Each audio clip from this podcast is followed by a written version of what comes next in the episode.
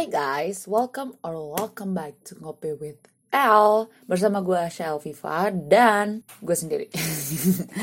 Hari ini kita uh, bakal ngopi-ngopi bareng lagi, diskusi bareng lagi Dan episode kali ini mengatasnamakan happiness. Jadi hari ini kita bakal ngomongin happiness in general But uh, the one that makes me want to make this podcast episode is kalau misalnya kalian search di YouTube dan ketemu dengan YouTube-nya May, May Daville, I don't know how to pronounce his name, tapi kayak dia punya 2,9 2 million, 2 juta subscribers. Dan dia banyak ngomongin self improvement dan juga banyak hal yang berhubungan dengan self improvement itu sendiri. Dan video dia yang baru diposting dua hari yang lalu itu menceritakan tentang kalau misalnya kita di era modern ini banyak mengejar kebahagiaan padahal kebahagiaan itu adalah sesuatu yang harusnya kita punyai sejak dahulu. Dan kenapa orang-orang merasa kalau misalnya mereka sangat tidak bahagia atau misalnya mereka merasa tidak cukup segala macam. Dan Matt Devil ini secara tidak langsung kayak menyindir orang-orang yang sangat-sangat konsumtif dan juga uh, merasa kalau misalnya if they wanna be happy they have to have some specific things. Kayak misalnya Kalian suka lihat gak sih kalau misalnya di Instagram itu orang-orang tuh kayak having a glamorous life dan kita ngelihatnya seperti suatu oh itu loh definisi happiness gitu definisi, definisi kebahagiaan kesuksesan segala macam adalah salah satu yang membuat kita jadi happy. Dan tanpa itu kita nggak happy gitu. Dan ini bakal membuat gue realize juga gitu. Ini membuat gue realize kalau misalnya emang benar gitu di era modern ini kayak kita merasa kayak uh, digunakan sebagai objek like it really really easy to make a customer right now. Karena marketing juga berpikirnya kalau misalnya era ini adalah era-era sangat konsumtif dari orang-orang di seluruh dunia hanya karena dia melihat suatu postingan orang di Instagram they will buy something the same or maybe similar thing. Dan artinya orang orang-orang tuh keep going untuk searching for new happiness berdasarkan barang-barang yang mereka beli. Dan pada akhirnya orang-orang merasa stres segala macam dikarenakan they didn't find the real happiness that they want to have dan kayak menyalahkan keadaan dan juga akhirnya menjadi depresi. Itu adalah salah satu garis besar yang bakal kita omongin hari ini bersama kopi gue yang gue bikin sendiri dan juga air putih what's new? Oke. Okay. dan karena hal ini juga kayak gue lebih menyinggung ke minimalism. Kayak kita balik lagi untuk um, apa sih? Kayak kita balik lagi ke prinsip dasar apa sih kebahagiaan itu? Apakah dia berhubungan dengan barang? Apakah dia berhubungan dengan orang-orang? Apakah dia berhubungan dengan suasana? Atau itu hanyalah um, fiktif belaka yang atau hanya emosi belaka yang emang bakal hilang begitu saja dan akhirnya kita selalu seeking for happiness. Like kita selalu butuh happiness itu dan happiness itu dikejar gitu. Oke okay, kita masuk ke topik yang pertama kayak ini pandangan gue ya. Jadi all of this is on my opinion. Kayak misalnya kalian buka Instagram kalian sekarang. Terus kalian kayak lihat postingan orang-orang dan akhirnya datang iklan itu kan kayak Instagram tuh pinter banget kan sekarang. Kayak gue gue scrolling tiga posan tiba-tiba ada iklan. Dan iklannya itu iklan yang tidak sekembarang iklan loh. Mereka kayak ngebuat algoritma di mana kita uh, mereka tahu apa yang biasa kita searching for Instagram. Kayak kita kan kalau beli sesuatu pasti lihat Instagramnya dulu. Atau misalnya kita pengen ke tempat cafe segala macam kita lihat Instagramnya dulu. Dan algoritma itu yang digunakan oleh Instagram untuk memberikan iklan yang tepat untuk kita gitu. Meskipun kadang-kadang random juga cuman karena kerandoman itu jarang sehingga kita nggak terlalu peduli dengan yang random-random. Kita peduli dengan sesuatu yang kita cari. Misalnya nih, gue lagi nyari um, glasses. Saat gue nyari glasses di Instagram, padahal gue nyari glasses tuh di Instagram tuh cuma buat iseng doang. Kayak gue pengen ngerubah model glasses gue, tapi gue lagi nyari frame yang cocok. Setelah itu beberapa hari kemudian, itu setiap gue nge-scroll story kan suka ada tiba-tiba nongol iklan itu dan iklannya kebanyakan glasses that's how magic they are and that's how licik gitu kan ya. Tapi kalau misalnya kalian lihat di postingannya di captionnya itu you need this. Or maybe like ini gak Mr. Seller? Atau misalnya ini um, jam tangan terbest seller. In tanpa ini lo nggak akan gaul apa segala macam dengan kata-kata yang pastinya lebih sweet lagi lebih halus lagi. Dan kita merasa kayak oh I need that you know? Karena emang urgensi manusia itu adalah seeking for something new in their life. Kayak ada kayak suatu hormon yang dilepaskan saat kamu tuh sedang window shopping atau misalnya sedang shopping kayak um, urgensi untuk membeli barang tersebut dan itu hormon itu keluar di sana. Padahal sebenarnya menurut beberapa penelitian hormon itu keluar saat kita sedang shopping saja kayak lihat-lihat barang baru segala macam hormon itu sudah keluar dan itu hormon yang menciptakan happiness yang sesaat. Gue lupa nama hormonnya. Tapi saat kita membeli barang itu hormon itu kan bakal kembali lagi karena hormon itu tidak tidak seperti darah selalu ada gitu kan selalu mengalir dia nggak kayak dia emang di lepaskan saat emang saat butuh saja gitu kan kebanyakan sehingga um, saat kita mempunyai barang itu kita merasa kayak oh um, ini nggak seperti sesuatu yang kita beli kemarin loh. Kayak excitement kita itu bakal terus menurun. Ya paling bertahan seminggu lah dari situ dan we're seeking for new happiness. Atau mungkin kayak gini. Kayak pernah gak sih kayak lu ngerasa membandingkan diri. Ke gue pernah bikin episode tentang membandingkan diri di podcast ini bisa lihat scroll di bawah kalau misalnya gue gak salah itu tentang perbandingan. Kalau emang benar-benar diposting. Yeah, because I had a lot of episode that I never post because of the word that I say or maybe like it's not a good word or maybe it's not that deep. Jadi banyak banget episode yang gak gue posting. Um,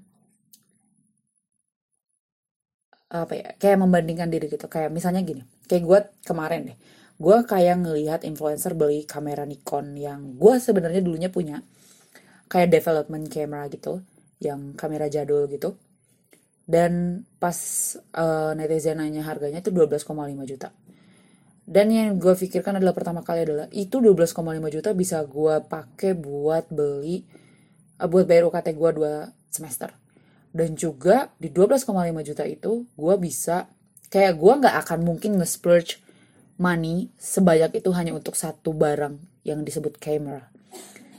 Artinya gue ngerasa kayak di situ ini orang happy banget ya teng dia ngeluarin uang really really easy. Dan juga ini orang kayaknya bahagia banget deh hidupnya karena dia selalu dikelilingin orang yang sayang sama dia terus dia suka nongkrong ke mana-mana. Sementara gue di sini um, struggling with my um, final. Dan akhirnya gue ngerasa kayak gue nggak bahagia di situ balik lagi ke gue yang setahun yang lalu. Kayak setahun yang lalu gue mem gue melabeli happiness itu dengan barang branded which is so bad. Dan juga kayak gue kayak berada di lingkungan yang gue gue nggak bilang lingkungan gue toxic. Kayak gue berada dalam satu fase di mana gue ngerasa kayak happiness itu saat lo menggunakan barang branded. Happiness lo di saat lo nongkrong selalu using your car. Dan juga um, happiness itu saat lo punya segalanya yang orang-orang tuh berharap punya dan lo pamerin di Instagram lo gitu. Untuk apa? Untuk membuat diri lo ngerasa bahagia kan pada akhirnya kayak bahagia nih gue gue bisa caw gue bayar apa. Padahal kalau misalnya gue ngelihat sekarang kayak baju yang lo beli di H&M sama baju yang lo beli di pasar baru itu menurut gue sama materialnya. Terus kayak baju yang uh, sepatu yang gue cari itu uh, saking susahnya dicari di Indonesia sehingga gue harus PO dulu di mana gitu. Setahun yang lalu kayak sekarang kan bejibun di Indonesia uh, model fans yang checkerboard itu. Um, terus gue ngerasa kayak gue happy banget punya sepatu itu. Dan sekarang kayak sepatu itu ada pun gue biasa-biasa aja. Yang penting ya udahlah he's there. Why we have to do with that? Is not itu nggak ngebuat gue happy lagi gitu. Dan banyak banget yang merasakan hal itu juga gitu. Kayak lu punya satu barang yang lo excited banget gitu. Dan akhirnya lo kayak pengennya pakai itu terus dan akhirnya setelah lo bosan atau hormon kebahagiaan lo udah hilang gitu lo melihat barang itu sama dengan barang-barang yang lain yang udah lo beli duluan gitu. Gue banyak kata itunya sehingga um, perilaku konsumtif itu selalu ada gitu. Karena lo merasa label bahagia lo itu dari barang-barang branded atau misalnya lo ngeliat teman-teman lo ini ya perbandingan namanya juga manusia. Uh, oh dia dia pakai pakai skincare baru oh dia pakai glasses baru oh misalnya HP-nya ganti segala macam. Ada urgensi sendiri kayak I have to be that because I'm not happy with who I am right now. Wow itu gue setahun yang lalu. Sehingga apa yang ngebuat gue shift mind dikarenakan gue capek gitu capek mengejar sesuatu yang tabu gitu. Kayak gue beli sana sini apa segala macam dan kebahagiaan itu nggak ada gitu. Nggak bertahan lebih dari satu satu bulan lah. Nggak bertahan dari satu bulan. Dan gue ngerasa kayak uang uang gue udah habis juga. Terus juga perilaku konsumtif gue semakin gila. Dan juga kayak I'm not happy. I'm not living a moment because I always post something on Instagram terus juga kayak gue emang gak nyaman sama orang-orang ini but I have to be with them to make me more happy in my opinion. Kayak gue mulai eksis segala macem itu ngebuat gue lebih happy. Padahal kalau misalnya gue lihat-lihat sekarang itu nggak terlalu happy happy banget gitu kayak biasa aja. Dan kayak gue tahu dalam diri gue itu gue tuh nggak cocok sama lingkungan itu but gue merasa kayak gue harus berada di lingkungan itu to make me happy in my expectation kayak dalam pikiran gue happy itu kayak gitu happy itu saat lo berkumpul sama orang-orang asik yang kata-kata orang asik orang-orang yang eksis dan juga you have everything wow That's me. That's me. nah, um, dikarenakan hal itu gue kayak pengen um, shift mind kayak misalnya teman-teman juga ngerasain hal yang sama atau sedang merasakan hal yang sama pernah merasakan hal yang sama ya namanya kita uh, hidup kayak sis ya kayak lo gak bisa menemukan jawaban lo semudah itu gitu dalam hidup. Dan gue beruntung gitu gue berada dalam fase itu gue pernah berada di fase itu di fase di mana gue nganggep semua barang kayak happiness itu dikarakterisasi dengan barang karakterisasi.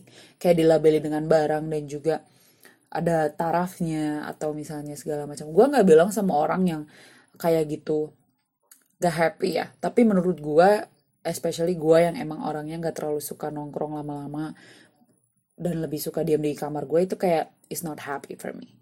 Tapi kayak susah aja gitu jujur sama diri sendiri dan memaksakan diri sendiri untuk mencapai salah satu tahap di dunia yang meras yang gue rasa kayak it's nothing worth kayak gitu.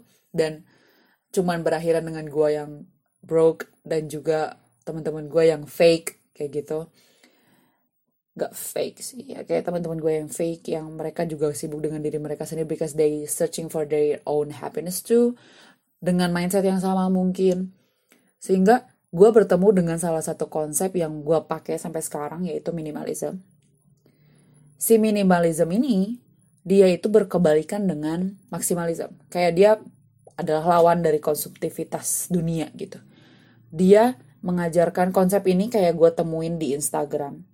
Eh enggak di Instagram, di Youtube. Si Matt Devil ini juga kalau nggak salah. Yang dia, dia adalah seorang minimalis.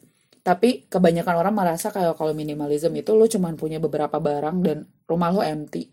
Tapi gua rasa kayak itu lebih daripada sekedar kos punya rumah kosong gitu.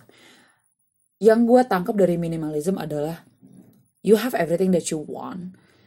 You already have it. Dan buat happiness yang kamu selalu cari itu ada dalam diri lo. Dan cara untuk merasakannya adalah bersyukur dengan apa yang lo punya. Itu adalah salah satu konsep yang gue tangkap dari minimalism. Dan gue mulai nge-apply itu ke semua hal. Kayak kalau lu satu kampus sama gue satu kelas sama gue itu Puspa thank you so much. Dia tahu kalau misalnya gue tuh pakai baju selalu warna putih. Kayak baju gue tuh bisa dihitung di bawah 30 piece. Dan itu termasuk baju yang gue pakai buat tidur dan lain-lain. Dan kayaknya um, gue kalau dibandingkan sama yang dulu gue punya baju yang sangat sedikit but I really really grateful with that. Meskipun minimalism tidak hanya sekedar untuk mengcut your things on your life kayak misalnya minimalism itu kayak lo mengevaluasi diri lo dan lingkungan lo terus lo buang semua yang menurut lo tidak berguna tidak kayak cuma dekorasi knick-knack yang kayak gitu dan menggantinya dengan sesuatu yang lebih fungsional. Kayak misalnya nih lu punya dekorasi yang sebenarnya dia useless gitu dan cuman buat dekorasi doang. Kalau orang minimalism dia they will get rid of that. Dan mereka bakal replay sama sesuatu yang emang benar-benar bisa mereka gunakan dan sekaligus sebagai bahan dekorasi. That's what minimalism do. Pertamanya gue ngerasa kayak ini orang gila kali ya. Kayak nggak mungkin deh orang kayak bisa travel dengan seluruh uh, closetnya itu kan kayak lu back backpackan aja lu butuh berapa baju apa segala macam tapi mereka kayak karena mereka mem mengartikan bahwa happiness itu is not about how many things that you have. Jadi mereka tidak terlalu peduli dengan apa yang mereka punya dan biasanya mereka mempunyai barang yang emang mereka butuhkan saja, bukan mereka inginkan gitu. Dan it's really hard for them to open up some space for some new thing without get rid of the old thing. Kayak mereka nggak bisa kayak beli beli barang sesuatu bisa sih, tapi prinsip mereka kayak gak bisa kita beli barang sesuatu tanpa kita harus ngebuang salah satu di rumah kita. Itu bakal jadi clutter clutter gitu buat mereka dan um, it's not good for minimalism dan yang bikin gue sangat-sangat impressed dengan konsep ini adalah karena konsep ini adalah konsep yang dibenci sama orang-orang bisnis gitu kan karena dia tidak konsumtif dan uh, selera mereka itu klasik sehingga banyak orang yang mulai save mind ke minimalism sehingga penjualan mereka menurun. Ini ini di di YouTube ya. Ini full dokumenter tentang minimalism tentang dua orang yang sangat-sangat minimalism dan mereka yang mengangkat metode minimalism ke permukaan. Dan they did a great job because a lot of people right now really really aware what dengan apa yang mereka gunakan dengan apa yang mereka um, punya dan aware kalau misalnya um, apa pun yang kita punya pada pada akhirnya akan menjadi salah satu sampah. Sehingga selama itu bukan jadi sampah pergunakanlah sebanyak mungkin sebaik mungkin dan juga rawat rawat seperti lo ngerawat diri lo sendiri. Wow. Itu benefitnya banyak banget sih. Benefitnya kayak gue save money pastinya karena gue jarang beli sesuatu. Kayak kalau misalnya gue pengen beli sesuatu kayak gue commit gitu loh sama diri sendiri. Kayak gue butuh gak sih? Atau adakah sesuatu yang udah punya gue punya di closet yang bisa ngegantiin hal ini? Atau nggak ada nggak sih barang di diri uh, barang yang gue punya yang bisa um, iya kayak bisa menggantikan peran barang yang pengen gue beli ini? Dan apakah dia worth it atau tidak segala macam. Jadi kayak ada full mindset di mana kita juga berpikir bagaimana caranya untuk memanfaatkan barang tersebut dan memastikan gitu bahan bahan atau barang tersebut benar-benar dipakai gitu. Gue save money dan juga kayak um, gue nggak banyak apa namanya kayak nggak beli-beli apa pun secara spontan karena gue harus pikirin juga karena gue orang yang minimalis terus gue mulai kayak kamar gue tuh semenjak gue jadi orang minimalis tuh kosong gitu rasanya dan it's something that I need. Everything that I need is on my room. Dan mereka tidak membuat gue kayak merasa kayak overwhelmed. Yang bikin gue senang itu adalah karena rasa cukupnya itu loh. Saat gue menjadi orang minimalism dibandingkan dengan gue yang belum jadi minimalism rasa cukupnya itu lebih banyak saat gue udah jadi minimalism gitu. Minimalism. Minimalis. Sehingga gue banyak rekomendasiin ini ke teman-teman gue yang kayak seeking for happiness kalau misalnya mereka nggak terlalu happy dengan hidup mereka apa segala macam. Karena pada dasarnya minimalis itu mengajarkan kita untuk bersyukur. Gue nggak minta lu jadi orang minimalism karena kalau orang jadi minimalism lu bakal banyak overthinkingnya. Dan nggak semua orang suka juga dengan free dengan empty space gitu. Atau tem tempat yang bener-bener dikit. Atau lo sayang banget sama knickknack lo sampai lo nggak mau get rid of that meskipun dia tidak berguna tapi yang pengen gue kasih tahu dari metode minimalis ini adalah they teach you to be grateful and they teach you to be feeling enough. Grateful sama feeling enough itu bisa berbeda loh. Kayak gue ngerasa kayak feeling enough itu bisa terjadi pada suatu barang gitu. Tapi enough di sini tidak mengartikan kalau kita grateful. Kayak ya udah udahan cukup udah tapi gak semua orang yang merasa cukup itu grateful sehingga feeling enough ini harus dibarengin sama grateful gratitude-nya kayak bersyukurnya kayak ini weird sih cuman kayak bisa meren lo sempatin 5 menit dalam hidup lo dalam satu hari pekerjaan lo yang benar-benar padat itu buat um, duduk diam dan tutup mata lo berpikir apa aja yang lo bisa bilang kalau lo bersyukur akan hal tersebut ada di hidup lo. And you're gonna find there's a lot of that semua yang lo sebutin atau kebanyakan yang lo sebutin adalah sesuatu yang gak bisa lo beli pakai uang.